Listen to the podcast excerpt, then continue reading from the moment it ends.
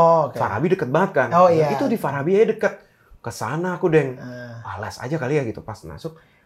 Masnya mau les apa? Sembarang aja. Saya mau les kontrabas, Mbak.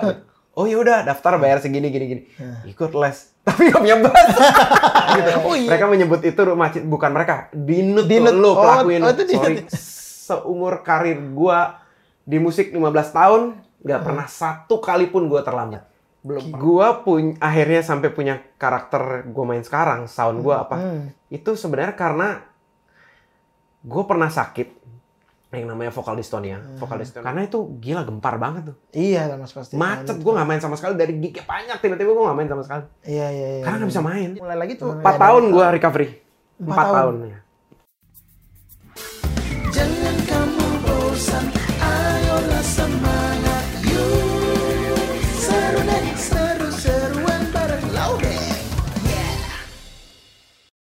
Halo teman-teman, selamat datang di Serundeng, seru-seruan bareng Laudeng. Nah, di episode kali ini sangat spesial karena gue mendatangi kediaman seorang basis senior. Belum tua-tua banget, tapi nggak muda-muda banget juga. Tapi beliau adalah senior banyak banget yang sudah dikerjakan di dunia musik selama ini. Jadi biar kita tahu apa aja yang sudah dikerjakan dan sedang dikerjakan sama beliau. Kita langsung ngobrol-ngobrol aja di episode kali ini bersama Mas Christian Dharma. Vintage ya. vintage bener Vintage ya. ya. Vintage ya. Dibilang tua banget enggak, tapi muda banget juga enggak. udah enggak ya. Jadi benar-benar di tengah-tengah tengah, Deng, di ya tengah. benar. Tapi kayaknya eh, musisi rata-rata gitu deh, Mas. Di tengah terus tuh. Iya. Jadi- Tapi berhenti umurnya. Begitu sampai 40 terus di situ Di situ 40 ya benar, looksnya tetap segitu kan. Keren. Jadi mungkin teman-teman yang belum tahu Mas Kris ini adalah eh, basis karena kita bisa lihat di belakang-belakang ini ada pasti bass ya. Ada basis session terus eh, apalagi sih Mas lo kerjaan apa lagi sih dulu sampai Eh, sekarang? Dulu kalau mis- dulu memang full time main doang ya kali gue. Ah. Main doang, main musik doang. Terus belakangan ini gua ngerjain brand sendiri. Kalau mungkin teman-teman belum pernah denger brandnya itu Fat. FAD, FAD. Jadi itu handmade eh, bass bikinan Indonesia. Oh, gue bangga banget. Weh, sedap lokal. Bikinan lokal ya tiga tahun udah gue jalanin ini dan gue sekarang juga ngerjain untuk penjualan kabel V2. Ini juga lokal dan ini Oh, ini juga lokal ini juga. juga handmade. Keren. Jadi sama seperti Fat eh, kabel juga sama kita berusaha bikin yang terbaik dan made in Made in Indonesia. Indonesia, keren. Jadi kita harus bangga dengan produk-produk Indonesia, bener banget ya. Iya, bener. Keren. Nah mas, biasa aku tuh selalu tanya ke teman-teman musisi lah, narasumber gitu.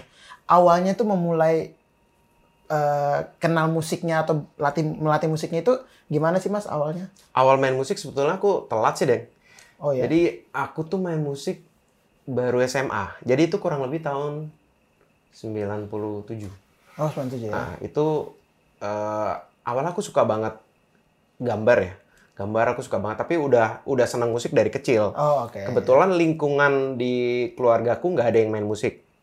Tapi kebetulan suka musik semua. Jadi aku Oh, dari ya. kecil tuh udah dengerin kayak Spandau Ballet, Duran Duran, Level 42, Oh, Toto, ya. Genesis dari kecil aku udah Dari dengerin kecil udah itu ya. Nah, Jadi eh, keluargaku dengerin musik bagus tapi kita nggak ada yang main musik. Iya iya. Sampai SMA tuh aku baru belajar main gitar. Tadinya cuma pengen kayak ya udahlah biar bisa hibur diri aja di rumah main gitar, ngejreng-ngejreng. Lama-lama kok seneng gitu. Iya. Udah akhirnya aku belajar sama kakakku sendiri. Ada eh, bukan sebetulnya omku dia, tapi karena muda aku panggil Mas. Pakai kakak gitu. ya. Dia ngajarin aku dari nol tuh Mas Dodi namanya. Dia juga eh, session salah satu di Bali dan salah satu yang terbaik masih sampai sekarang Ah. Ya udah aku belajar sama dia terus dengan beberapa guru-guruku juga kayak Mas Koko, almarhum Mas Ito, Mas Erik, semua Iya, iya. gitu. Di situ baru mulai. Di situ baru mulai ya. Berarti eh, kamu tuh lahir besar di Bali. Iya, aku sampai kuliah tapi nggak kelar. Dulu aku perhotelan Oh oke. Tata Boga. Terus karena kuliah perhotelan itu kayak SMA, masuknya kan tetap pagi, pulang Iya, sore iya, masuk iya. pagi. Aku malam reguleran, bolos mulu deh. Terus dipecat. dipecat akhirnya satu tahun setengah udah aku ngerantau ke Jakarta 2003 awal. Oh oke itu, itu itu awalnya Mas Kris ke Jakarta ya. Hmm, awalnya. Gitu. Oh mungkin sebelum kita lanjutin mungkin teman-teman nggak tahu ini saya lagi berada di Bali Iya, kita karena Mas Kris Bali. sekarang udah for good For di good di Bali, Bali, ya. ya. Keren. Jadi Pulang kampung. pulang kampung sebenarnya bukan bukan pindah ke Bali ya. Bukan. Balik ke Bali. balik ya. ke Bali ya. Setelah Setelah 18 tahun ya 18 berarti ya. tahun. Iya 2003 ke dari 2000 eh ke 2021 ya Iya. kemarin. Keren. oh jadi SMA ya Mas? Aku pikir tuh kamu kayak udah dari SD Dari gitu. kecil enggak. Sebetulnya eh, suka musik iya dari kecil Iya, aku suka banget musik maksudnya. Tapi emang- referensinya bagus banget ya. Mm-mm, cuma akhirnya main musik serius itu ya baru itu. Jadi belajar main gitar dulu habis itu langsung main bass.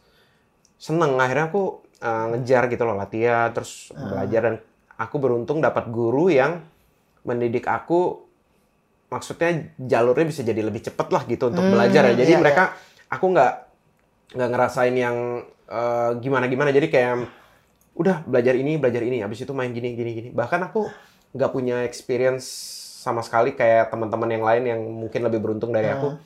Kayak mereka sempet main reguleran main top 40, mereka Ah. sempet main malam di Iya, mana, iya. main aku nggak ngerasain itu. Jadi aku begitu habis SMA kuliah, Heeh. Uh, aku belajar sama guru-guru guru-guruku langsung kita langsung main jazz gitu segala Ah. macam diajarin. Udah itu aku langsung pindah ke Jakarta. Uh, session udah. Langsung ya. Jadi uh, makanya dulu aku kayak jarang banget. Makanya orang mikir kayak ah mungkin si Chris nggak mau main reguler nggak mau main Iya. reguler. Bukan gitu karena aku nggak tahu banyak lagu gitu Oh. dan dan nggak punya pengalaman itu. Satu-satunya Iya, pengalaman main reguler ya sama Ladies nah itu udah. Udah itu juga berapa tahun belakangan ya Iya tiga ya? tahun terakhir doang. Iya, iya, itu iya. deh. Oh gitu. Iya ya soalnya ya benar ya image-nya Mas Kris kan oh session nih udah Hmm. bahasa session jadi orang mungkin berpikiran itu ya. berpikirannya gitu ya. Iya, iya. Padahal emang emang nggak Eh, pernah punya pengalaman nggak itu. Pengen sebenarnya tapi nggak ada yang ngajakin. Iya, iya, iya.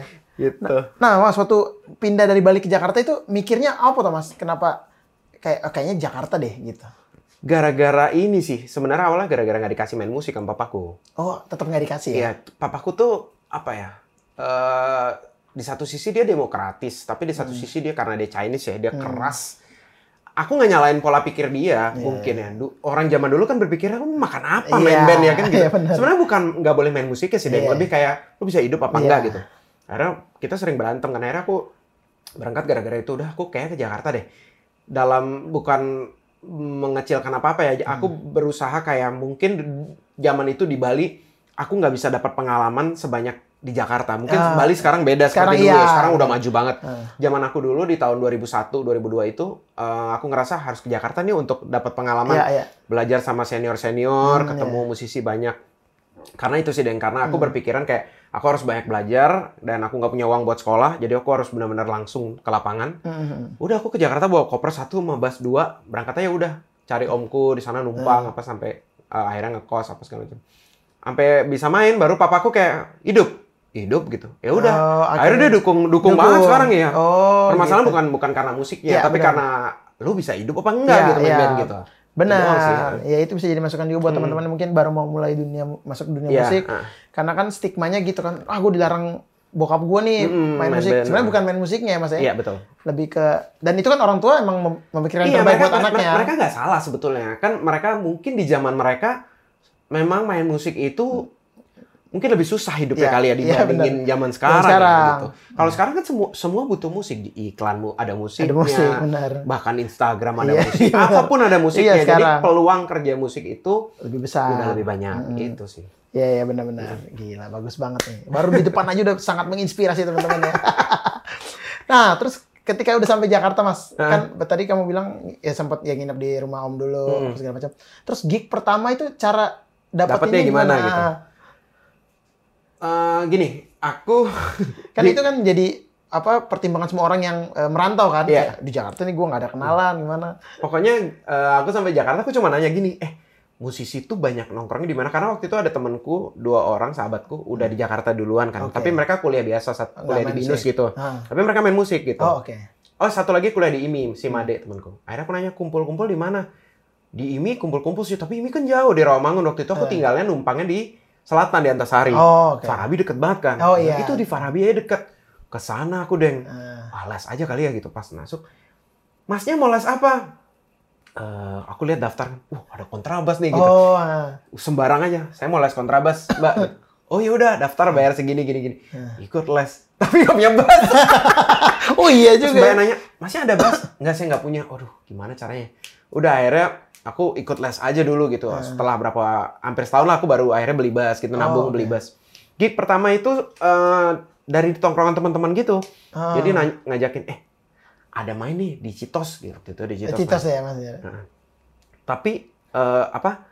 Kita ini aja cari pengalaman aja, cari pengalaman. Oh. Enggak, bayar, bayarnya nasi Project- goreng. project thank you Iya, ya. gitu. Terus udah itu eh, main lagi ada gitu, mulai dapat lagi 50 ribu, dapat Ah. lagi cepet. Ya dari gitu-gitu. Gitu-gitu. Akhirnya gig proper pertama event itu masih inget sampai sekarang gua. Yang ngajak gua pertama tuh Mary Kasiman, tuh keyboardis Hmm. oh ya potret sekarang. potret Iya. ya.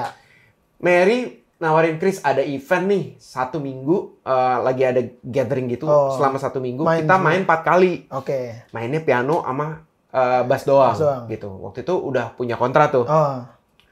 Eh, gua nggak ada mobil mer gitu tenang gue jemput dijemput sama Mary Keren. tiap kali main Keren. Full itu, service. itu adalah job event pertama sampai akhirnya gue punya ampli sendiri di Jakarta gue punya ampli Oh oke. cuma punya tape waktu itu masih punya tape Oh, pakai tape kaset ya ya, kaset kaset. Gak punya laptop, gak punya apa-apa. Kamar gue cuma ada kasur sama kipas angin malam hari satu. Wah. Bass dua. That's it. Jadi gue latihan ya tempelin bassnya ke pintu. Gak punya ampli. Oh iya gitu. benar juga biar denger aja ya. Iya. Gitaran. Akhirnya emang karena gig itu akhirnya gue bisa beli ampli Beli pertama ampli. kali itu gara-gara. Thank you Mer. Gila sekalinya nggak gig profes eh, proper profesional langsung eh, empat kali ya. iya langsung main event. Tuh. Seru. Gitu. Jadi buat teman-teman yang mungkin kayak merasa, aduh, gua gimana cara dapetinnya? Pasti selalu ada jalan Iya ya. Ada ada aja. Yang penting kalian mau berusaha dan juga berjuang tuh kayak Mas Hmm. Chris. Berarti guru guru siapa Mas di Farabi? Pak almarhum Amir Katamsi yang Oh. eh, kontrabas karena gue klasik dulu kan belajar sama dia. Terus Mas Indro, Arjo Dikoro, Mas Adi Darmawan. Oh oke. Mm-mm. Tapi itu berarti abis dari kontra lu pindah ke bass elektrik. Nah, sebetulnya kalau di elektrik gua eh, dasar gua ini ya kali ya.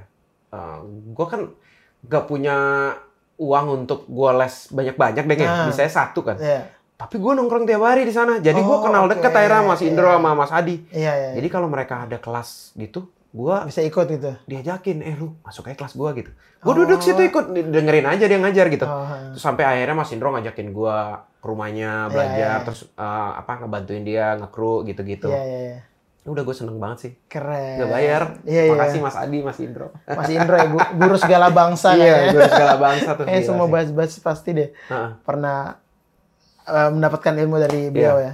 Gila sih. Keren. Ini gokil nih. Gue juga baru dengar ceritanya ini baru ini kan Mas. Mm-mm. Nah terus itu berjalan kemudian eh, langsung berarti gig, banyak kan gig jazz ya Mas? Waktu itu nggak nggak nggak juga, maksudnya ca- campur-campur juga. Terus ya kalau sama Mary ya gig jazz, terus sama beberapa teman-teman lebih kayak apa ya? Campur sih deng sebenarnya. Ya campur-campur juga gignya gitu. Kalau session Mas, session pertama Session pertama sama tangga dulu. oh tangga. Ini ah. bareng Made. Bareng Made Made yang ngajakin. Ya, Nah, Made session Tian gitar. session pertama tangga eh, rekaman session pertama Samson album satu satu album. Satu album tuh lo basisnya? Iya, ya? ah. Oh, gue juga baru tahu tuh ya. keren. Itu Satu album tuh. satu album. Oh itu oh karena anak Samson anak Farabi ya? Eh, Atau Konde, si- Konde, Konde ya. Nah, jadi gue direkomend sama Konde waktu itu eh, karena si Aldri kayaknya berhalangan atau gimana gitu. Hmm. Terus mereka produksi harus berjalan Harus terus. berjalan, ya. Ya udah, akhirnya gue bantuin mereka untuk Oh rekaman gitu, kenangan terindah, Hmm, zaman- naluri Iya, lelaki. zaman itu. Keren. Dan langsung booming kan album itu Iya, kan album itu ibaratnya. booming gila sih. Gokil. Berarti tangga generasi pertama ya Mas? Pertama, pertama. Iya, karena buat teman-teman mungkin yang belum tahu, tangga tuh ada beberapa generasi ya, fashion ya. Iya, dan itu eh, bisa dibilang tangga tuh salah satu yang ngelahirin session-session juga loh. Iya, benar Semua. benar. Ronald Ronald Steven. Steven, Ape, Ibrani Den- Pandean, Ibrani, Dennis Lucy. Dennis Dusi. Semua. Benar benar benar. Semua dari situ, iya. iya. Iya juga ya benar ya. Keren. Keren banget. Terus dari nah tangga tuh gimana ceritanya Mas bisa bantuin? Waktu itu si Made yang ngajakin. Jadi mereka, ah, aku nggak tahu Made kenal dari mana. Terus akhirnya si Made bilang, eh Chris, eh, mereka pengen bikin tim tetap nih gitu. Mau nggak ikutan gitu? Ya mau aja lah deh. Gua namanya gua nggak punya pengalaman, Iya. nggak ada job juga Iya. gini kan. gue pengen juga session gitu. Ya udah akhirnya diajakin. Udah seru kita jalan Berapa tahun Mas berarti? lama. Kalau tangga lumayan lama. Itu mungkin 4 tahun kali ya. Empat tahun ya, ya. Ya, tangga lumayan lama. Itu zaman lagi naik-naiknya tuh ya. Mm-mm. Lagi lagi rame-ramenya itu. Itu berarti dari tangga berempat ya? Berempat. Sampai bertiga masih? Bertiga justru enggak aku. Aku cuma bantu-bantuin yang berapa kali yang pas Oh, bertiga. bertiga. Tapi itu yang masih full, yang masih mereka main lepop Masih- itu. Iya, Nah, iya. iya. Udah Dari situ habis. ya? Heeh. Mereka bubar jadi dekat kan? Ah, Bertiga. Itu aku udah cuma bantuin beberapa kali main scene bass. ah. Terus udah itu sekarang sering mereka berdua doang kan, Chef sama Kamga. Iya, Kondo iya, kan. iya, berdua dong. Benar. Keren. Jadi kalau mungkin teman-teman di angkatan gua pasti kan ngelihat tangga zaman hype itu kan Iya, gitu. langsung lihat anjir sessionnya keren banget, keren banget nih.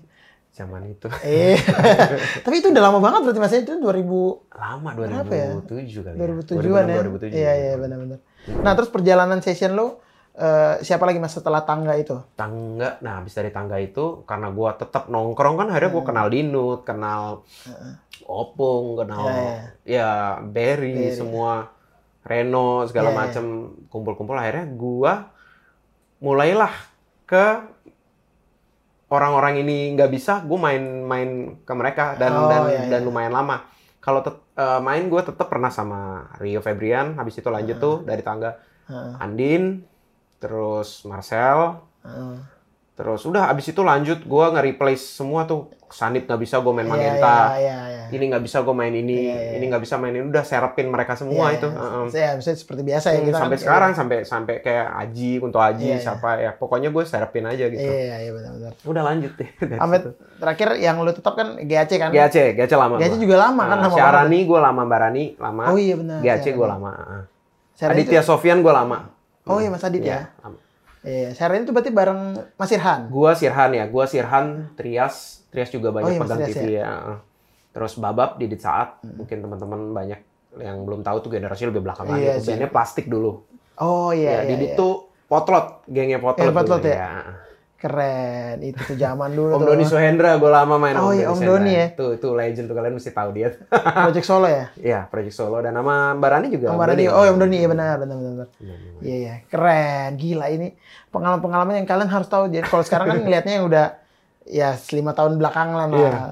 Gitu. Sedangkan yang dulu-dulu tuh itu yang membangun dan juga itu ya maksudnya berjuang di dunia industri musik ya. Iya. Sampai sekarang kan ya lumayan lah. Dan dulu nggak semudah sekarang, Deng. Maksudnya Iya. eh, bukannya kita menyalahkan kondisinya, enggak. Tapi di zaman gua dulu, session itu memang eh, bu- bukan dikuasain ya. Apa kita bilangnya ya? Kebanyakan yang Kebanyakan. main orang senior-senior eh, Iya, iya. kita ya. Ya, iya. Dan mereka, kita tahu sendiri kualitasnya seperti apa Iya, kan. iya, iya. Jadi mereka untuk menggantikan si senior-senior ini susah Berat juga. gitu. Sulit. Dan produser pun masih dipegang sama si senior-senior. Jadi paling yang main itu-itu aja. Mas Indro, Adit, Nyance, Iya, Mas iya. Ilyas. Udah, Iya, muter-muter. muter-muter Jadi aja, iya, untuk bener. bisa celuk masuk itu Iya. susahnya Susah mampus banget, sih ya iya, sampai iya. nunggu waktu lama baru. Kalau sekarang kan Aduh. eh, semuanya dikerjakan anak muda, bahkan Iya. produser muda-muda, semua muda, player muda-muda. Kalau kalian eh, main bertanggung jawab, bagus, Hmm. attitude bagus, ya insya Allah pasti, Pasti, ada iya, jalannya ada lah. jalannya. Lebih cepet lah sekarang daripada Iya, iya. dulu gitu. Iya, iya, Karena sekarang lebih banyak ininya. Gitu. Iya, iya. Sama lapangan pekerjaannya juga ya, misalnya penyanyi-penyanyi baru tuh Nah, banyak. kan. banyak, ya nggak kayak dulu. Iya, iya, benar, benar, benar. Gitu sih. Nah, sampai akhirnya eh, ada satu eh, apa ya bisa kita bilang bisa kayak legenda. Kalau kita di dunia session tuh ingat atau tahunya tuh dulu ada legenda Rumcin, Mm-mm. Rumah Cinta. Hmm. Itu gimana ceritanya, Mas? Jadi itu Rumcin itu adalah eh, itu kontrakan ya? Ya. Kontrakan yang isinya musisi-musisi semua, tapi dipelopori oleh Mas Kris nih katanya. Itu Jadi- gimana ceritanya Mas Rumcin itu? Jadi Rumcin itu sebetulnya em, awalnya itu kontrakan gua, gua nggak- inget yang ngasih nama tuh kalau nggak salah Dinut deh. Namanya Rumah Cinta. Tahu kenapa? Karena banyak yang ya namanya juga pada single-single semua kan. Itu itu kelakuannya ya gitu semua Iya, lah gitu. iya. Mereka menyebut itu rumah cinta, bukan mereka. Dinut, Dinut. lu Oh, pelakuin. oh, itu Dinut ya? Lu yang nyebut itu jadi rumah cinta kayak Oh iya iya. jadi rumah itu adalah rumah bujangan semua, Ah, ah, ya anak band ya kan. Bayang lalu kayak apa hancur itu rumah. Jadi dulu di Hajijian, Oh, anak-anak oke. itu setiap hari deh ada yang nginep, ngejam tiap hari di rumah, Oh, di oke. kontrakan gue itu, di kamar gue tepatnya. Oh iya iya. Jadi di Rumcin itu karena kamar gue paling besar di situ, nggak besar besar amat sih. Ya, di antara semua Ya, kamar. nge- ngejam semua di situ, kumpul semua di situ dekat Farabi kan. Iya, iya. Habis itu sampai gue pindah ke Kemang, Heeh. sebentar masih kayak gitu pindah ke Cinere wah lebih gede, Lebih gede rumahnya lagi, udah iya. itu tiap hari on tuh rumah itu nggak ada matinya tiap hari pasti Iya. ada yang nongkrong ada yang nginep ada yang ngejam ada yang latihan ada yang Iya, rekaman iya, benar. tiap hari tuh ada aja Nah itu dari angkatan lu sampai angkatan gua kan, mesti kita tahu itu Rumcin. Iya. Nah gue juga baru tahu tuh kalau sempet sebelum di Hajijian iya dulu. iya Baru Hajijian Kemang. dulu Hajijian Karena- Kemang baru ke Cinere, Cinere. Iya. Karena yang gue tahu udah Cinere kan. Cinere itu 8 tahun apa 7 tahun apa 8 Oh, tahun gitu. itu paling lama ya. Nah itu si- siapa aja mas yang sudah, maksudnya yang nginep di situ? Wah, gila sih yang nginep situ. Siapa ya? So, Jadi Haji Jian sama Kemang tuh eh, kamar doang atau emang kontrakan? nggak kontrakan juga. Oh, Semua kontrakan. nah, kebetulan gua nggak pernah dapet kos yang ini. Jadi dari awal gua dapet tempat itu, rumah gua pertama di Saraswati di Antasari itu emang udah satu rumah kamarnya dua. Oh oke. Karena gue udah suka dengan vibe yang rumah, Rumah. akhirnya gue selalu ngajak temen, eh lu bareng gue yuk. barang, oh kontrak. kontrak, barang. Akhirnya selalu rumah. Oh iya iya iya. Dan itu akhirnya ya udah siapa ya banyak banget sih Banyak Dan. banget ya karena banget ada beberapa generasi kan. semua. Iya. Mau Bani, mau Dinut dulu nongkrong Berry, Iya, Reno. iya, semua ya. Iya semua. Dia Dennis, Ape, Iya, iya, Ronald, semua. Kamga juga. Kamga, Kamga ya? serumah malah. Kamga serumah. sempet ke rumah. Ya ya, aduh Raisa. Oh iya. iya. Semua Iya, rumah tetanggaan kan Cinere dulu Oh kita. iya Cinere. ya. Gitu itu legenda banget tuh. Cuman semua semua musisi tuh iya tapi begitu Mas Kris menikah, Rumcin akhirnya dibubarkan. dibubarkan karena pelopornya emang Mas Kris nih. Akhirnya Tapi dengan kita- kayak gitu kan secara nggak langsung tuh lo melahirkan banyak musisi-musisi generasi di bawah lo untuk Sebenarnya Naik bu- dan dikenal bu- nggak sih, bukan bukan melahirkan sih, Deng. Sebenarnya gini, gue cuma seneng kumpul-kumpulnya Kumpul-kumpul. aja. Jadi akhirnya karena sering kumpul-kumpul dan gue seneng latihan ya, maksudnya nge-jam Iya, bareng iya. apa latihan. Akhirnya dari mulut ke mulut kan mereka akhirnya bilang, eh di situ tuh banyak tuh teman-teman musisi pada nongkrong. Ah. Kalau misalkan lo ini biar kenal musisi, lo ke sana situ, aja. oh. Akhirnya jadi kayak gitu. Mereka Iya. beranggapan bahwa rumah ini melahirkan musisi banyak. Sebenarnya eh, ngasih lo ini kenalan temen Kenalan, banyak sih di situ. Em, karena semuanya pada di situ kan Nongkrong situ, ya. main apa segala macam. Iya iya. Akhirnya dari situ akhirnya eh lo bisa main gak ini? Akhirnya jadi Iya, iya. kenal temen baru. Temen akhirnya baru, semua. iya, iya, Ya, benar. kayak gitu Kayak sih gitu ya, sebenarnya. Ya? Keren, karena itu legenda tuh. Ya kita berharap nanti ada lagi ya Ada lagi Rumcin berikutnya. ya. berikutnya iya. Keren, gitu tuh. Nah, jadi mungkin teman-teman ada yang keri- punya kerinduan atau punya keinginan untuk membuat sebuah ya kayak base camp jatuhnya mas ya? Iya, basecamp eh, terus eh, komunitas lah, apalah, Iya. apalah dibilangnya. Jadi Betul. itu kan apa pun ya, nggak cuma musik, mungkin banyak yang bisa share experience hidup mereka, banyak Iya, juga iya. yang berkeluh kesah kayak kok begini, kok begitu, Hmm. kok ada begini. Akhirnya tempat itu jadi jadi itu sih yang lebih kayak apa ya rumah kita sama-sama sih. Mungkin mereka Ah. berpikirannya ini adalah rumah, rumahnya besar, Iya, bisa iya. dipakai latihan, bisa dipakai nongkrong dan nggak kenal jam gitu. Iya, ada iya. yang bisa datang jam satu Oh, pagi iya. ya kan, ada yang bisa ini. Iya, iya. Udah sebebas itu, jadi mereka beranggapan dan tapi beruntungnya nggak ada maling loh. Maksudnya nggak ada dari sekian banyak ya, orang ini yang mencuri hilang gitu gitu nggak ya. ada ya untungnya. Iya, iya, Alhamdulillah benar, gitu. benar, benar. Udah akhirnya jadi kayak gitu deh. Jadi Oh, orang iya, tuh iya. punya satu tempat untuk udah lo nggak ada kerjaan ke sana aja gitu. Iya, iya, Gitu. benar-benar ke sana aja lu. Dan selain dapat ilmu mu- bermusik dengan jamming, ya dapat ilmu yang lain juga Iya, ya. kenal, Kenal, temen baru benar. siapa. Dapat pengalaman-pengalaman cerita dan pengalaman dari teman-teman yang udah mungkin bermusik lebih Iya, dulu betul, ya. Gitu. Karena kan kalau ilmu musik mungkin ada teorinya, Iya, ada betul. pakemnya. Cuman Hmm. kalau ilmu bergaulnya atau kebiasaan-kebiasaan itu itu bisa by sharing ya. Mm-mm, benar-benar. Keren banget. Jadi rumcin. Jadi teman-teman kalau mungkin kalau ngobrol rumcin-rumcin nah ini foundernya. Padahal nggak sengaja. ya. Iya, nggak sengaja. Iya, iya, iya. jadi keren, gitu. keren banget. Akhirnya eh, Mas Kris menikah udah. Iya. Rumcin. Gara-gara itu gue kawin-kawin nih kayaknya. Kayaknya ya Gue bener ya. bubarin. Kayak enakan kan. bener. Iya kayak enakan. Enakan, Soalnya enakan. tetap rame aja Hmm, kan. Kayak enakan, Deng, bener. Nggak merasakan kesepian. Ya udah pindah deh gitu. Kawin deh gitu. Kawin deh. Keren. Nah, habis itu di tahun tiga, tiga tahun lalu tuh berarti 2018-an ya. Lalu yang FAD tadi, Iya, ya sekitar sekitar itu 2018 ya. ya itu, itu gimana ceritanya Mas? Maksudnya apakah emang lu punya ketidaknyamanan dengan bass lu akhirnya lu berpikir untuk bikin sendiri atau awalnya gimana? Mas? Sebenarnya gini, karena gua suka banget sama gear ya. Gue suka, gue cinta banget sama bass instrumen ini, gue cinta banget. Dari dulu gue punya cita-cita, Deng, punya instrumen sendiri, Oke. brand sendiri. Kenapa? Karena gue beranggapan gue bisa berkarya di situ sama seperti gue berkarya di musik gitu. Mhm. Gue bisa berkarya kayak pengen bikin instrumennya gini, desainnya gini, ininya gini. Pokoknya segala macam Ya, itu. ya. Tapi ya cuma cita-cita aja gitu. Hmm. Sampai suatu saat gue main sama GAC di Jogja. Hmm. Pas lagi breakfast, ada satu orang datang, kucuk, kucuk, kucuk, datang. Pagi mas, nama saya Andre.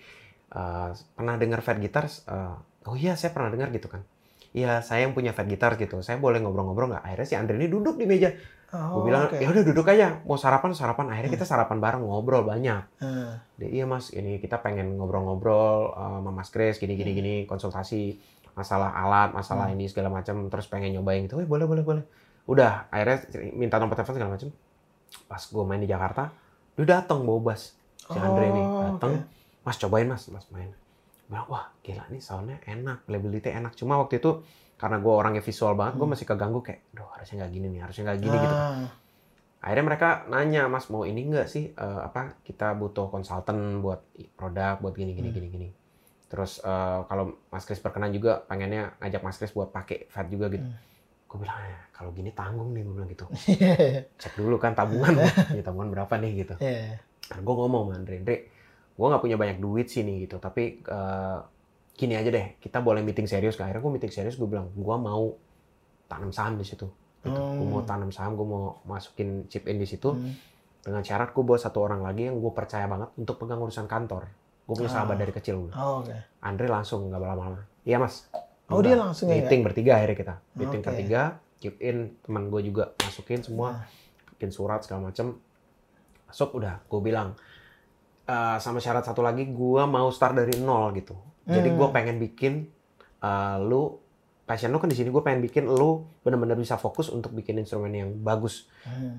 Biarin gue pikirin yang lainnya Lu Oke. pikir aja bikin bass yang bagus gimana gitu Iya, iya. udahlah akhirnya rebranding restart dari nol pilih warna bikin model bikin konstruksi coba segala macam Oh, ya oke. bakar duit terus kan Iya, iya. sampai akhirnya habis lewat satu tahun lah kali deh yang baru mulai kerasa dan sekarang terima kasih ya buat teman-teman karena Hmm. kalian juga akhirnya kita bisa jadi satu brand yang dipercaya sekarang udah Iya, iya.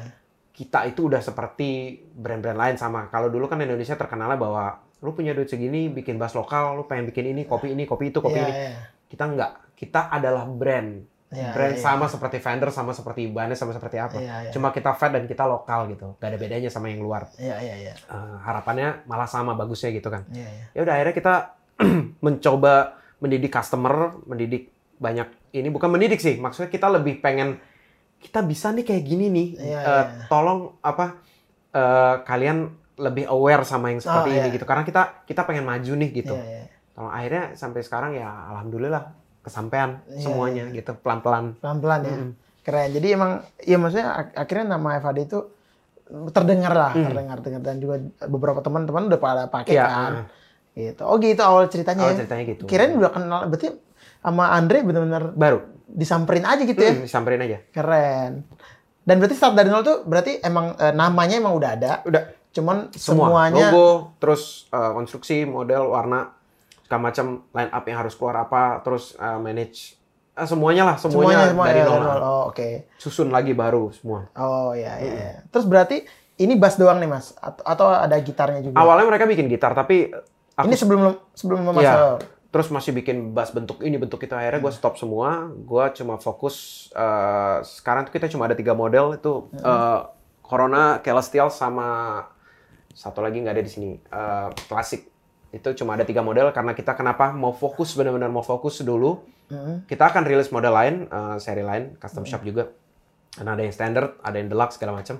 Supaya kita lebih fokus aja gitu. Ah, dan gitar akan kita produksi nanti. Tapi karena kita terbatas ya staff sedikit dan kita memang pengennya semuanya kejaga kualitinya meskipun di ada pembeda tetap di di seri standar dan custom shop pasti ada pembedanya. Itu kenapa Hmm. seri standar bisa lebih cepat dan custom shop lebih lama lebih gitu. lama, orang kan berpikir kenapa gue bayar mahal dan kenapa bass gue malah jadi lebih lama Iya. ya memang begitu gitu Iya. karena custom shop lebih sedikit lagi orang yang ngerjain lebih fokus Iya, lebih iya. satu-satu gitu Satu, kalau iya. standar kita masih bikin templates masih ada Iya, iya, untuk iya. mempercepat prosesnya gitu. Iya iya benar benar. benar. Mm-mm. Keren. Jadi ada tiga seri. Nah itu berdasarkan pickupnya dan juga model ya.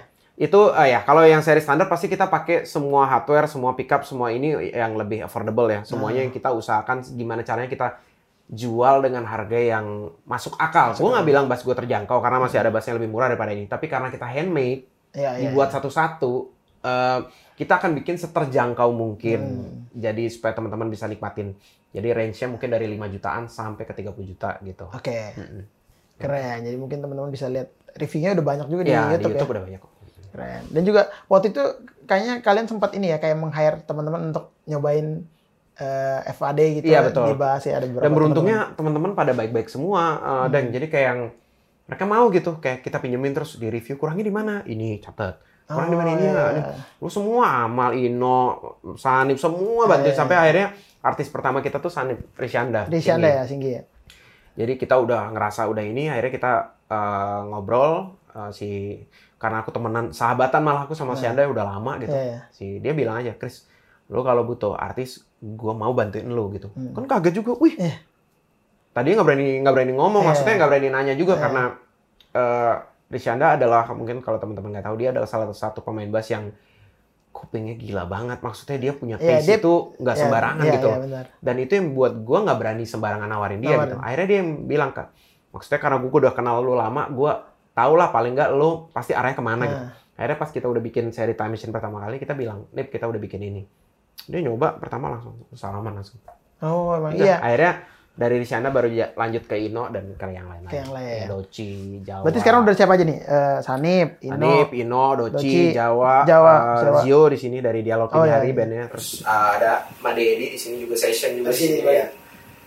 Eh, udah nggak banyak sih kita. Sama Sean Ray Michael di US. Oh, udah udah sampai satu di US. Alhamdulillah tahun ini tahun kemarin kita udah mulai jualan keluar. Keluar. Keren. Tadinya kan yang dekat-dekat doang Dekat, kayak ya. KL, Singapura. Iya, iya, ya iya. di tahun kemarin Masih kita udah yang jauh-jauh. Oh, udah gitu. ke ya udah ke US gitu. Ini insya Allah mau ke Eropa kayak gitu. Oh ya, keren. Amin. Kita doakan pokoknya semakin sukses karena kan ini kan juga membawa nama Indonesia ya. Jadi kan orang lihat oh ternyata Indonesia juga Iya nggak harapan harapannya itu sih iya dia kan, kan. nggak hanya playernya tapi juga bisa nih membuat instrumen gitu. sebuah instrumen gitu. Hmm. Keren banget. Jadi teman-teman mungkin yang penasaran bisa cek langsung di YouTube juga ya. Nah, Iya. kalau mau beli sendiri ada toko distributornya kah atau Kita lah gimana? kita direct selling semua karena kita masih eh, handmade dan kita berusaha untuk setiap customer kita ngobrol bakal ngobrol banyak dan kebetulan aku yang megang itu. Oh, oke oke. Kalau kalian butuh apa bisa WhatsApp langsung ke nomorku. Jadi nomorku udah nggak ada privasinya nih. Iya. Udah nomor ini adalah Semua. nomorku sementara adalah nomor kantor juga. Jadi Iya. kalau kalian DM ke Fat Ah. mungkin ada yang balesin di di admin. Iya. Cuma biasanya kalau lebih detail atau apa biasanya sama aku langsung, Langsung dan ya? nomor teleponku ada di situ. Kalau misalkan mau tanya apa-apa WhatsApp aja. Ya Langsung. gitu. Nah bisa cek langsung nanti di sini ada Instagram Mas Chris Mm-mm. dan juga Instagramnya Fade ya. Keren, gila bangga banget, bangga banget. Karena kan maksudnya nggak banyak dan juga eh, emang bagus gitu loh. Apalagi ya Sanip, apa- kita ngomong Iya, Sanip ya. betul. Sanip lumayan picky kan, kayak Betul. Picky banget picky ya. banget dia kayak kadang di endorse juga males kan kalau nggak ya kayak Dinut lah, 11 Hmm. Iya, sama Dinut iya. lah. Gitu jadi memang karena bukan bukan mereka ini ya. Sebetulnya mereka memang karena mereka tuh punya mereka tahu mereka mau apa itu Iya, sih sebenarnya. iya. Yang di kuping mereka tuh mereka tahu mereka mau apa Tahu gitu. bunyinya itu, mau kayak Itu gimana. yang bikin mereka lebih pemilih gitu. ya Nah, ya, ya. Sama alat. benar-benar dan Hmm. dan Sanip bukan hanya karena teman Mas Chris doang, Iya. kan. emang dia suka juga gitu. Emang Gue dia juga suka juga. pernah ngobrol kan jadi dia bilang emang gue suka nih emang gue banget nih bu- Nah, bunyinya gitu hmm. karena itu keren banget ya mungkin teman-teman yang nggak tahu Rishanda bisa nonton udah ada serundeng bersama Iya, Rishanda udah ada. bagus banget Ditonton langsung. Ya. keren jadi itu ntar kita dukung terus dah pokoknya semoga makin Amin. besar dan melejit melejit Amin. Nah terus mas eh, ke depannya apa lagi nih yang mungkin impian atau yang ingin Mas Chris capai lagi lah bersama FAD maupun sendiri sebagai basis lah Gua masih pengen punya brand fotografi sendiri sama istri. Itu Oh, cita-cita iya, gua. iya. Gua masih pengen punya warung bakmi. Karena emang bakmi lover. Eh, enggak, sebetulnya gua kita semua ya. Kita semua suka masak. Gua, ini gua, Hmm. Oh, bapak iya. gua, ibu gua, semua suka masak. Kita punya cita-cita punya warung keluarga gitu. Oh, oke. Jadi entah itu apalah mie kayak apa tapi ya warung seperti itu. Ya, ya, ya. Warung breakfast yang kampung masih pengen punya warung. Terus gua masih pengen terus bikin album. Tahun ini gue bakal rekaman eh, project duet karena gue udah terlalu lama nggak ngerilis Ah. semenjak album solo gue 4 tahun lalu. Empat tahun lalu ya. Ya, akhirnya gue mau sekarang mau rilis project duet sama singing pianis namanya Trudy. Oh, di sini di Bali. Iya, gue akan bikin EP mungkin dulu. Tapi insya Allah tahun ini kita bakal rekaman. Gue Oke. belum tahu rilis kapan, mungkin pertengahan tahun. Ya, ya. Itu dan masih dengan project-project lainnya gue masih pengen sih, pengen ini. Karena sekarang mungkin waktunya banyak kesita eh, ngurus anak ya dan gue Iya. sangat happy gitu. Iya. sangat happy cuma ya ketika itu sudah mulai agak bisa longgar gue akan tambah bikin apa Bikin kali. yang lain. Keren. Jadi pokoknya terus berkarya aja Iya. ya gitu. Mas, ini ada satu pertanyaan nih yang selalu ditanyain sama teman-teman di rumah juga sih. Hmm. Dan ini mungkin menurut gue bagus untuk versi lo ya maksudnya. Hmm. Banyak yang nanya, sekarang kan session player tuh udah jadi salah satu bisa dibilang mungkin salah satu role model ya kalau kayak zaman gue kecil, Hmm. gue tuh main musik karena gue pengen ngeband. Mm. Nah, zaman sekarang kan banyak kan orang pengen main musik karena pengen jadi session. Mm. Nah, saran seorang Mas nih untuk teman-teman yang mungkin mau jadi session player, apa aja sih yang harus dipunya atau apa yang harus digali sama mereka untuk jadi seorang session player nih? Eh, sebetulnya kebaginya ada buat gue ada beberapa hal ya. Yang pertama urusan musik itu mesti dilengkapin semuanya. Dalam artian begini, kalau di musik adalah tanggung jawab pekerjaan. Mm-mm. Ini nomor satu nih buat anak band, gue kasih tahu. Waktu Iya datang jangan telat latihan kek main kek jangan telat gue gue mau sombong ya Deng Iya. ya sorry seumur karir gue di musik 15 tahun nggak pernah satu kali pun gue terlambat. Belum Gila. pernah. Keren. mau main reguler main apa pun nggak pernah. Gue selalu datang satu jam sebelumnya paling nggak. Main reguler pun ya. Iya, iya. kalau latihan mungkin gue pernah terlambat karena beberapa hal yang pasti nggak gue sengaja. Gue nggak pernah sengaja santai-santai dan telat-telat nggak gitu. pernah. Jadi itu buat anak band yang paling banyak missnya di situ tuh. gue nggak tahu kenapa ke- mungkin karena gue Cina kali ya jadi gue kebiasa dididik kayak lu jangan telat gitu Oh, jangan iya, telat tuh iya. kalau mau mau dapat rezeki yang rajin, gitu Rajin, bapak iya. gue kan gitu Iya, kan iya, benar. dari kecil gue digituin jadi gue sangat berpegang teguh sama itu itu tuh di Iya, musik ya disiplin iya. kerja adalah waktu Iya. yang kedua misalkan mau jadi session kita ngomongin Iya, session ya. session. ngulik Ya. ngulik pokoknya jangan oke lu ngerasa kuping lu bagus nih terus lu nggak ngulik nggak gitu men main session lu Iya. harus ngulik ngulik banget. Pokoknya apa yang lu dikasih PR-nya lu ulik tuh. Masalah nanti mau dirubah nggak apa-apa. Yang penting Hmm. Iya, lu iya. ngulik dulu. Iya, iya, iya. Nah, itu tanggung jawab pekerjaan.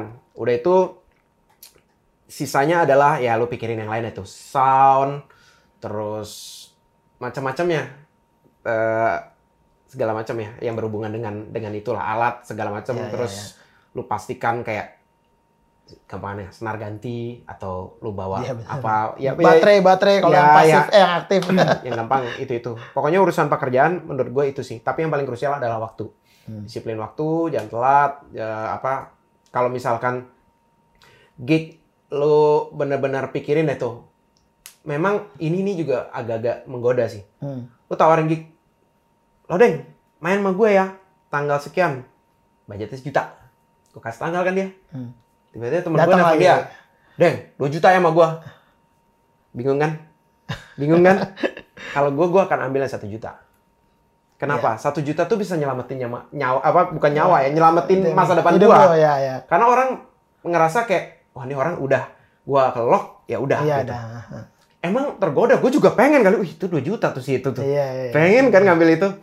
Atau paling enggak kalau lu mau pindah gue nggak menyalahkan lu akan pindah tapi Hmm. tolong dibahas secara besar lu bilang sama dia baik-baik gue ditawarin nih boleh nggak gue ambil yang ini kalau lu bolehin gue cariin pengganti yang lu cocok lu mau nggak ini tapi si artisnya harus bilang oke gue nggak apa-apa lu Ya. ambil aja nggak apa-apa itu gue gua nggak ya. nyalain lu pindah Ya. ya tapi lu kasih solusi ke Solusi. klien lu Iya, gitu iya, karena Gitu. tanggung jawab kan itu. itu sedang itu sensitif sorry ya Iya, tapi iya, mesti iya. gue gue omongin nih Iya, iya, karena iya.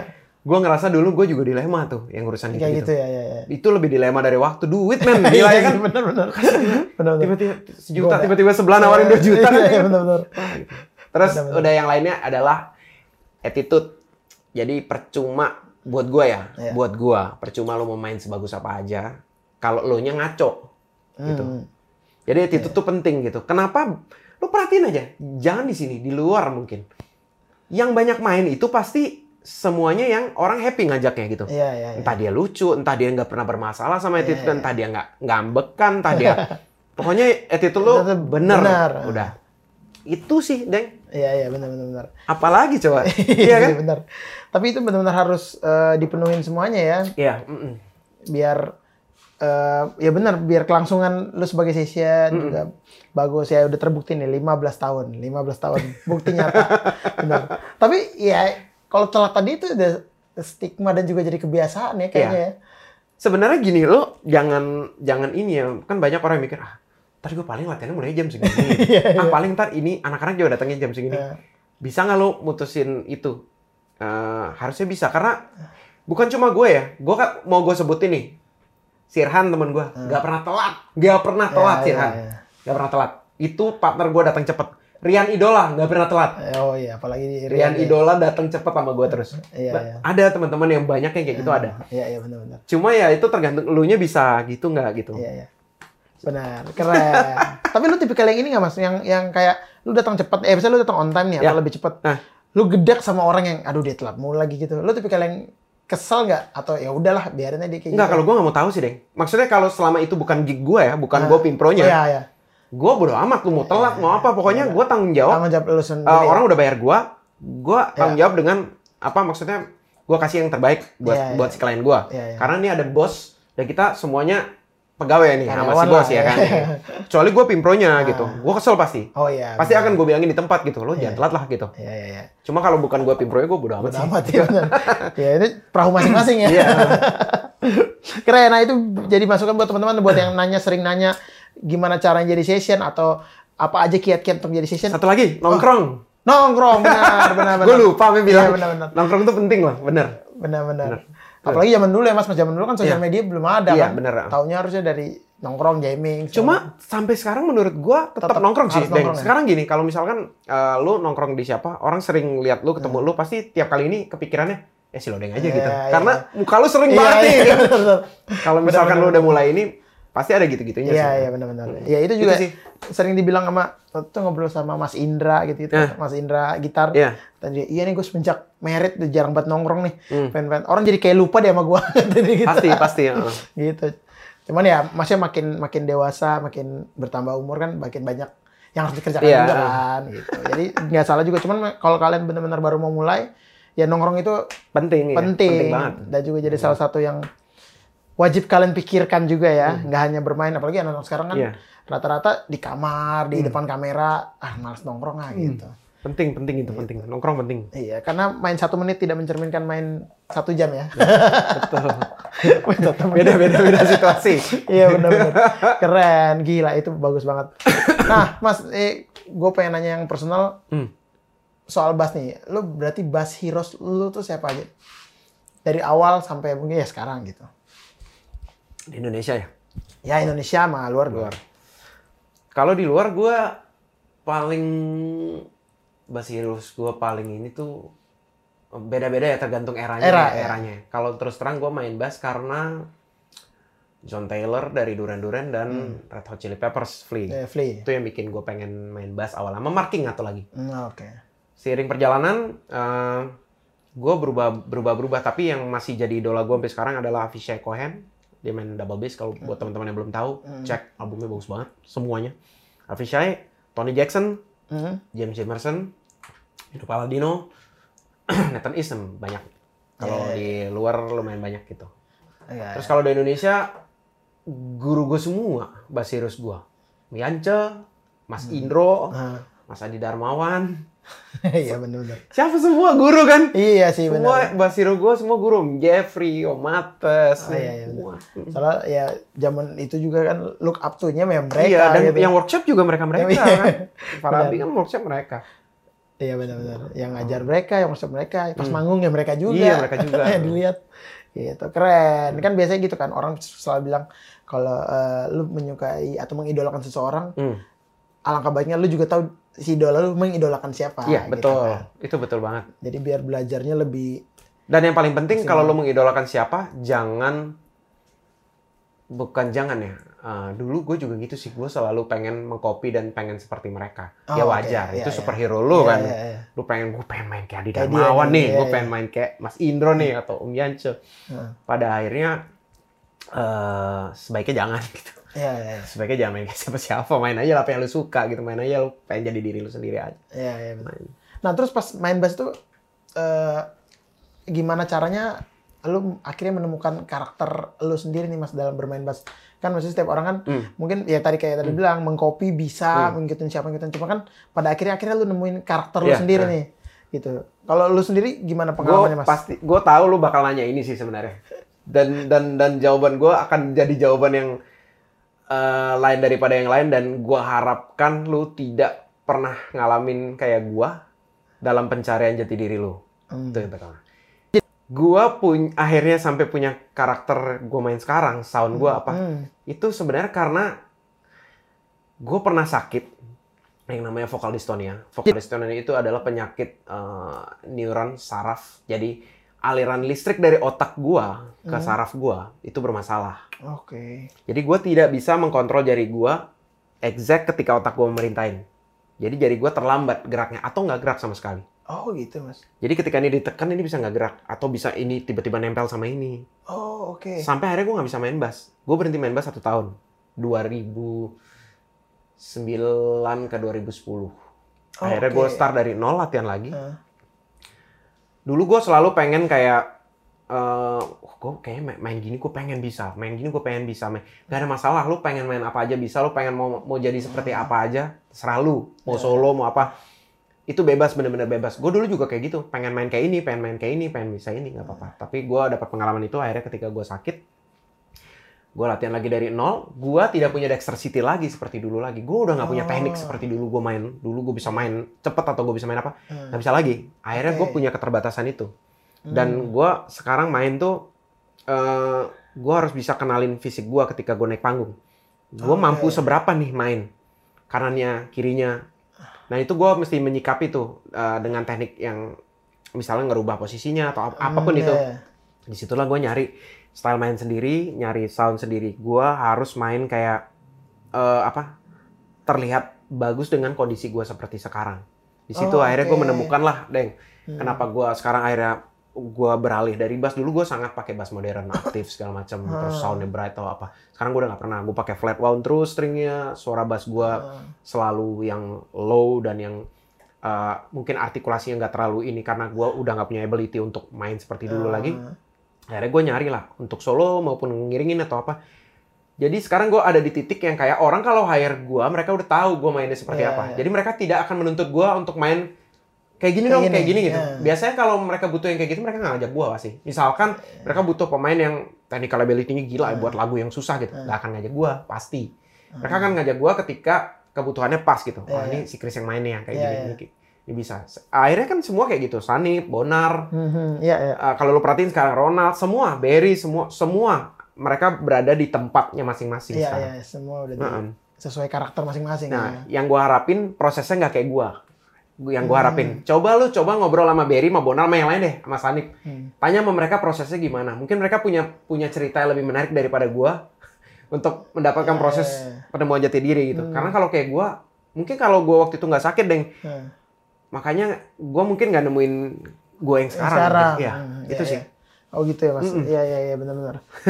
gue juga baru tahu tuh cerita yang. Malas kan? Kemarin gua baru bahas di podcastnya Barry, gua Di juga bahas juga ini ya? kan, namanya vokalis Oh iya ini. iya. Karena waktu itu mungkin teman-teman lama yang tahu kejadian Iya, ini. Karena di zaman gue sakit itu semua orang nelponin gue, Barry, semua Iya, orang iya. nelpon lu udah sembuh belum, lu udah main belum gitu. Hmm. Karena itu gila gempar banget tuh. Iya lah mas pasti. Macet, gue nggak main sama sekali dari gignya banyak tiba-tiba gue nggak main sama sekali. Iya iya iya. Karena nggak bisa main, nggak bisa main sama sekali ya. Selama setahun dan ya lah, ketika mau mulai lagi tuh. Empat ya, tahun gue recovery, Empat tahun. tahun. ya. Nah, lu boleh ambil tuh bas gue gitu, yang hijau. Yang mana ini? Iya, enggak enggak. Eh, ini. Iya, angkat aja. Oh, Oke, oh Ibanes yang ini ya. Ya, ini satu-satunya peninggalan bass gua ketika gua sakit. Semua bass gua gua jual. Nah, ini ada tulisannya belakang. Oh oke, Ya. we made it. Nah, ini ini ini tahun gua sakit. Tahun sakit. Oh oke. Dan tinggal bass ini yang tersisa. Jadi Oh, gua ini tidak akan jual bass ini sejarah nih ya. alasan apa pun. Sejarah ya. Ya. Dulu warnanya coklat natural. Akhirnya gua eh, restorasi, gua ganti partsnya, gua jadi- bikin jadi bagus. Dan ini adalah bass kenang-kenangan gua selama gua sakit. Jadi eh gue tidak punya instrumen lain selain ini karena gue udah desperate gue jual Ah. semua bass gue hanya ini yang tersisa dan dia berdebu dan dia ya, Oh menyedihkan lah Iya iya iya. tapi akhirnya gue latihan pakai ini sampai Latihan gua- lagi- kembali lagi pakai ini. Iya. Oh. Keren. Gila. nih Banes Blazer tahun 82 tahun lahirnya sama sama gue Gokil. Iya iya iya Gitu. iya, mas. Keren keren. Sangat menginspirasi gue juga kaget nih. Ternyata lu sempat ada di fase itu ya Iya, mas ya. ah. Tapi maksudnya tapi walaupun kondisi kayak gitu tidak membuat lu patah semangat untuk ya udah nih kembali lagi itu sih yang sulit sih itu yang sulit sih Dan. jujur aja itu yang sulit tuh mencoba kembali itu yang sulit Iya. gila gue sampai gak berani nonton musik gak berani denger musik gak berani Serius. gak berani nangis mulu gue Ya ampun. Iya. gak sih. bisa gerak gimana lu gak bisa gerak pertama lu gak bisa kerja yang kedua lu gak bisa main gak bisa melakukan apa yang lu cinta suka, banget gitu Iya iya iya. dan di zaman itu job gue lagi banyak banget Iya iya sih. Jadi Gila sih kayak ah iya sih. Dur, benar, nyebur aja udah. Iya, iya. Ya, itu kena mental juga ya mas ya. tapi gue diselamatin sama sensei di sini gue gua agak lupa namanya karena susah namanya Cina Ah, di Bali. Dia, ya dia yang terapi gue dan dia yang bilang sama gue lu berhenti dulu deh main berhenti dulu Hmm. gue terapi sama dia 3-4 bulan akhirnya bisa bilangin gue lo kan main musik nih lo coba deh denger musik pakai headphones dia bilang Hmm. terus eh, lo ambil bass gak usah dicolok pura-pura main aja pura-pura lo lagi main lagu itu gitu Hmm. nanti lama-lama bisa gerak kok jarinya gitu. Tapi jangan dipikirin bassnya ya. Lo pokoknya bayangin lu manggung lo apa. Kan Iya. gue takut juga kan. Pas nyoba takut gue takut banget. Nyoba akhirnya. Gue masih kepikiran tuh ih nggak gerak juga jarinya gitu. Iya. akhirnya gue coba terus tapi gerak loh. Oh. gerak loh langsung ya wah ini mulai gerak. Gue bilang sama sensei gue iya pak gerak jadinya ya kan saya bilang terusin aja gitu. Terusin gitu. Sampai kamu ngerasa udah agak lemes gitu. Udah akhirnya baru kamu mulai latihan dari nol. Mas Adi Dharma juga ngasih tahu jangan dipikir Chris jangan mikir apa apa latihan aja lu yang sabar aja latihan aja terus gak usah mikir apa apa lu bilang sama jari lu "Ah, lu bantu gue ya karena kalau lu nggak bergerak gue nggak bisa makan nih Iya, Mas iya. Adi Dharma tuh ngasih tau gue akhirnya Iya. gue latihan dari ini sampai sekarang masih bunyi nih tuh Oh iya ya. ini gue udah Oh, kena di tengah Oh oke. saraf gue udah kena Iya iya iya benar. Oh gitu mas. Gokil. Tapi lu ada ini nggak? Maksudnya kayak main cuma bisa main jam 2 jam. Kalau elektrik, kalau elektrik, mm, alhamdulillah sekarang gue udah ini yang gue nggak berani main akustik. Kontra, Oh, kontra. kontra, gue nggak berani nge, apa, nggak berani ngambil job lah intinya Iya, sekarang. iya, iya. Paling Kecuali, kecuali rekaman- rekam-rekaman aja ya atau apa. Tapi kalau main elektrik, alhamdulillah gue eh, kuat. Meskipun ada beberapa eh, apa ya yang gue ada kendala apa, gue udah bisa ngatasin sekarang dengan dengan dengan pengalaman gue yang terakhir ini. Iya, iya, Gitu. Kalau misalkan ada jari gue yang nggak enak, gue udah bisa selamatin lah. Iya pakai. udah tahu ya, caranya lah. Udah gitu. tahu ya ya menyikapinya Gitu. ya. Keren. Gitu sih. Tapi waktu itu apa yang memotivasi lo? Ya kayak gue harus nyoba lagi nih dari nol gitu. Waktu itu motivasi lo apa sih? Maksudnya kan itu su- Gak punya, gak punya kerjaan lain deh. Gila. Karena itu susah banget kan maksudnya itu Udah nggak gaya-gaya mau bokap kan. Gue anak band nih, lihat nih job gue banyak. Tiba-tiba lu gak bisa main. Iya sih. Gue gak punya sih. kerjaan lain, Deng. Kerjaan gue cuma main musik. Iya, itu akhirnya lu balik ke Bali for berapa lama gitu? Ya, tiga bulan. Eh, yang di Sensei itu Terapi ya? itu. Abis itu gue balik Jakarta lagi. Nekat-nekat aja. Pokoknya gue sampai akhirnya Gak sampai setahun sih, gue udah mulai udah mulai coba-coba main tapi yang ringan-ringan gitu. Oh, oke oke. Hampir setahun lah pokoknya itu. Tapi sampai recover enak itu bukan enak ya. Maksud sampai bisa main Nyaman lagi ya. itu empat tahun gue. Empat Empat tahun. tahun ya. Ya ampun. Gokil banget, itu gokil banget. Gila, karena maksudnya dengan dengan ada keterbatasan gitu aja lu masih berusaha untuk maju sih itu gokil sih menurut gua. Iya. Maksudnya mau jadi mau ya kan. Iya, kalau kalian-kalian yang masih ya lah cuman Kalau lo mencintai sesuatu ya perjuangkanlah. benar. Perjuangkanlah Benar, sampai titik Iya, darah penghabisan. Darah penghabisan. benar. Jadi kalau kalian masih mengalami kendala-kendala yang kecil terus udah mengeluh, nih lihat buktinya. Iya, jangan sampai lo kayak gue, jangan sampai. Iya, itu iya, itu gila sih. Itu itu adalah pengalaman hidup gue yang paling berat selama ini. Gue gue nggak berharap akan ada yang lebih berat dari ini. Iya, sih. iya. Itu paling berat sih. Iya, tapi ya. Tapi tetap uh, Tuhan masih sayang sama gue, jadi berkah gue masih tetap berlimpah. Gue nggak bisa ini lagi sih. Iya. Dulu gue menyalahkan Tuhan juga sih. Kok lu sempat ada lu kasih gue bakat tapi lu ambil lagi Iya, lu gimana sih sempat gitu gue Oh, oke. sempat sempat gitu mempertanyakan Iya, iya. kenapa lu begini Kenapa sama gue gitu cuma ya pada akhirnya lu akan ya balik lagi sekarang gue berasa ya memang Tuhan sayang sama gue aja Iya, iya. kalau iya. mungkin gue waktu itu sakit gue nggak bisa punya warna sendiri kayak sekarang gitu. sekarang ya benar. Keren. Gila jadi dari banyak pengalaman itu bisa juga meni- menimbulkan karakter lu sendiri ya Iya, akhirnya ya. Gitu apa pun kondisinya. Keren banget. Keren, sangat menginspirasi. Gua harap ini bisa memotivasi kalian semua untuk terus semangat dalam bermusik. Seperti kata Mas Chris, Amin. do what you love. Ya, Anjay. do what you iya, kalau kita harus berjuang untuk apa yang kita cintai ya. Hmm. Apa pun itu gitu. Apalagi ini berhubungan sama musik kan. Musik Iya, kan benar kebatinan. Ah, kebatinan. Kebatinan, kecintaan ya. Kecintaan.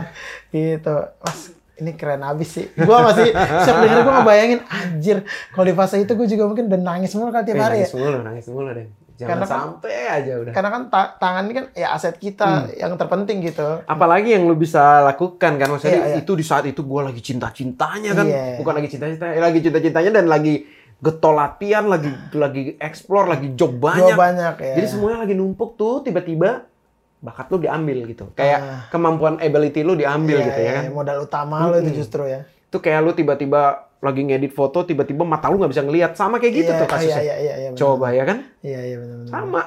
Iya sih. Cheers sih itu. Wah, nggak kebayang sih.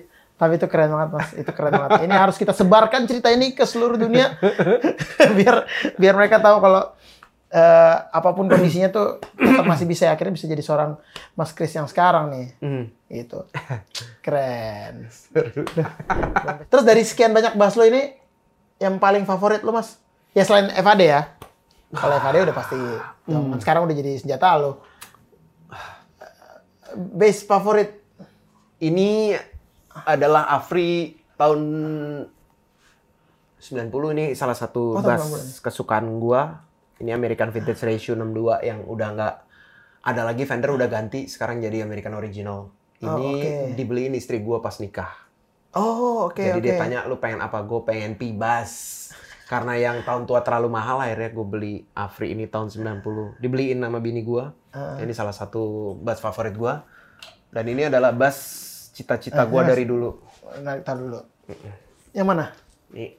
Oh, ini, ini adalah kupu-kupu ya? Ya, ini adalah Fodera. Gue dari dulu pengen banget punya ini. Dan ini Fodera pertama lo? Iya, ini Fodera gue pertama. eh, dan ini gue gua Hmm. juga bisa beli ini karena teman gue lagi di Singapura. eh, ya teman dan senior gue Hmm. dan guru gue juga, Bang Din Safari. Heeh. Ini bass dia personal. Oh oke. Dia waktu itu belum pandemi ya. Dia mau Oh. buka restoran, uh, tempat makan kecil, kedai di Singapura. Hmm. Dia jual beberapa alatnya.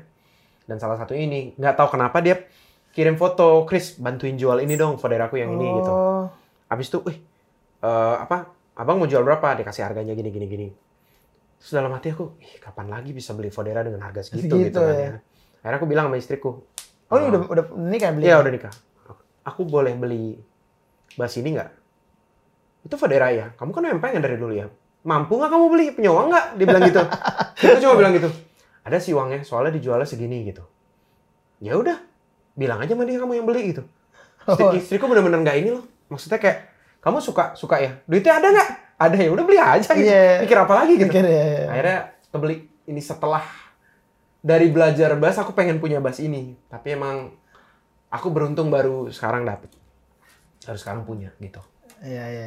Dia masih mulus banget ya. Lumayan untuk ke kondisi yang dipakai setiap hari main cafe. Iya ya. Ya, dia bassnya banyak sih memang, tapi ini bass sehari-hari dia. Memang dia pakai ini sehari-hari. Oh gitu ya. Mm-mm. Ini Fodera Emperor Standard eh uh, early early uh, edition standard baru keluar. Ini bassnya. Jadi necknya masih one piece instead of tiga piece yang sekarang. Iya, Dan iya. logonya udah bukan kerang yang standard, udah ganti kayu. Ya, ini masih yang edisi pertama. Oh Gitu. iya iya. Udah gue merasa Keren. sangat beruntung akhirnya bisa punya Fodera. Terus itu juga bass yang gue nggak gue jual-jual itu Mexico Roadworn Ratio 62. Di antara semua seri Mexico tuh seri Mexico paling tinggi yang Tinggi. benar-benar kayak US udah. Dan aku nggak ngerti kenapa bass itu enak banget. Jadi dulu main paling banyak aku pakai dua ini. Sebelum oke, aku sama Fat iya. ya.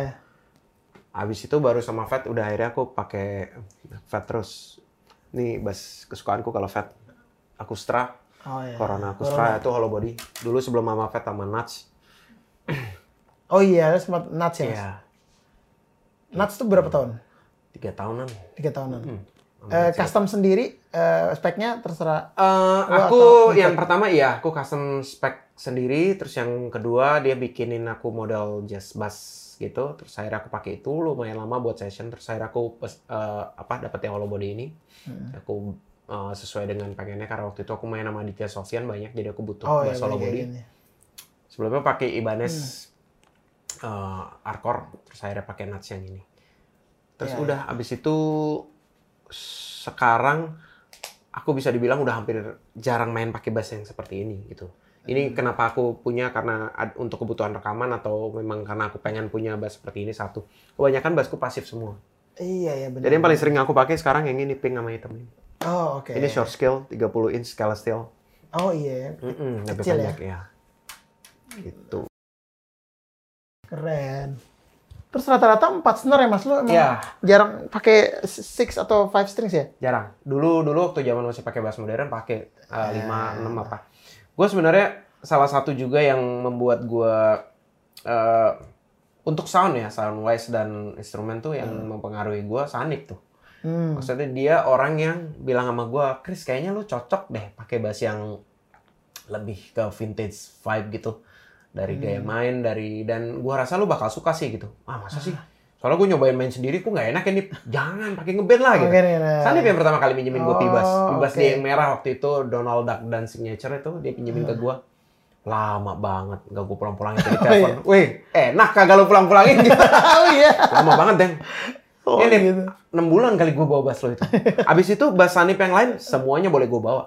Coronado yang hollow body bass Sanip Iya, iya. itu eh, gue yang dapat di Bali Sanip pakai itu juga di gue lama banget dan bass-bass dia yang lain semua di gue pernah lama. Oh, oke. Sanip tuh sama gue udah kayak udah mau pakai mana pakai aja Iya, iya, bawa iya. bawa. Akhirnya semenjak itu gue kok jadi seneng pakai four string dan jadi seneng sound yang lebih ke arah vintage. Vintage. Ah. Akhirnya ya udah gue pakai gue pakai Fender Fender tua juga lama dulu jazz bass jazz bass tua gitu gitu. Iya, iya, iya, iya. Iya, kayaknya soalnya di di ruangan ini kayaknya yang five string cuma ini aja. ya? Iya, cuma ini Sisanya doang. Gue cuma ada ini sama Fat satu lagi lagi di bawah temen. Oh, iya. Sisanya empat. Gue hampir nggak pernah udah deh pakai. Senar ini juga round round ini karena kebutuhan gue takut kalau ada rekaman-rekaman aja. Oh iya. kalau memang rekaman. main umumnya gue selalu pakai flats. Flats tuh yang halus kayak kontrabas. Ah. Stringnya halus. Iya, iya, iya. Gitu. Keren. Nah, Fat sendiri ad- ada four strings, five strings, ada six stringnya juga nggak? Kalau untuk seri yang sekarang yang sampai custom shop, seri Corona, Celestial dan klasik nggak ada six string. 4 dan 5 dong. Lima ada. Oh. Nanti kita akan bikin custom shop seri 2. Itu ada dua seri yang bakal kita rilis. Nah, itu ada six string.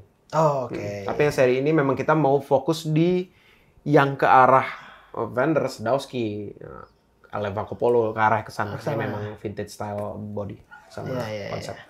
Keren. Nah, Eva di sendiri ada webnya nggak sih mas? Apa emang? Web kita lagi Instagram? de- lagi develop karena kita pikir agak tanggung karena kita belum beresin line up semua, Oh, belum beresin foto semua. Tapi kita udah udah udah udah udah ngerjain kok. Oh, Web udah. Jadi kita sementara jualan ya Instagram. Instagram. Berarti cek cek. eh, Instagram, Facebook ada, Oh, YouTube iya. ada, tapi banyak kan dari Instagram. ya misalnya cek eh, speknya segala macam di di Instagram. Instagramnya.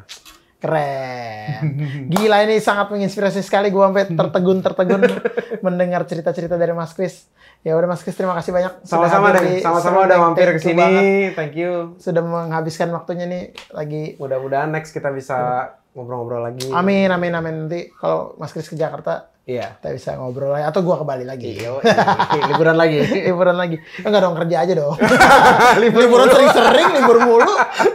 Duitnya nggak masuk. gitu. Semoga ini bisa menginspirasi kalian, memberikan kalian wawasan baru dan juga memberikan kalian eh, apa ya eh, pengetahuan bahwa oh ternyata main musik tuh sekompleks ini ya kan orang taunya main musik ya udah di kafe atau Iya. nongol di TV segitu doang padahal di balik itu semua banyak banget cerita-cerita yang bisa eh, kita sampaikan untuk menginspirasi kalian semua juga keren nah dan juga buat teman-teman yang mau nanya-nanya soal bass, mau ngecek FAD itu kayak gimana sih, apa Hmm. aja yang eh, diproduksi, seri-serinya apa aja, nah bisa langsung DM di Mas Kris di Iya, di aku boleh di, Dharma, di add fat gitar juga boleh. at Fat Guitars juga boleh gitu. Jadi bisa tanya-tanya apa pun ya Mas. Iya, apa pun. Mas Kris ini baik, jadi pasti akan dibalas. Yang mau ngobrol-ngobrol soal bass juga DM aja ke Iya. gua pasti gua balas. gua Iya, seneng soalnya ngobrol. Senang ngobrol dan juga Mas Kris ini tadi kayak tadi tuh dia sebutnya detail-detail tuh ini apa flat tone apa gitu-gitu. Jadi kalau teman-teman yang pengen tahu lebih detail tentang bass bisa langsung tanya beliau juga. Keren. Oke teman-teman terima kasih banyak sudah menyaksikan Serundeng. Jangan lupa untuk menyaksikan Serundeng episode-episode lainnya juga dan juga kalian tetap jaga kesehatan ya protokol kesehatan biar kita bisa kembali normal dan juga Amin. semua bisa kembali seperti biasa ya manggung-manggung, event-event. Itu yang kita harapkan. Benar gitu, biar kita juga bisa makan. Oke teman-teman, sampai jumpa lagi di Sampai jumpa Serundeng, seru-seruan bareng Laudeng.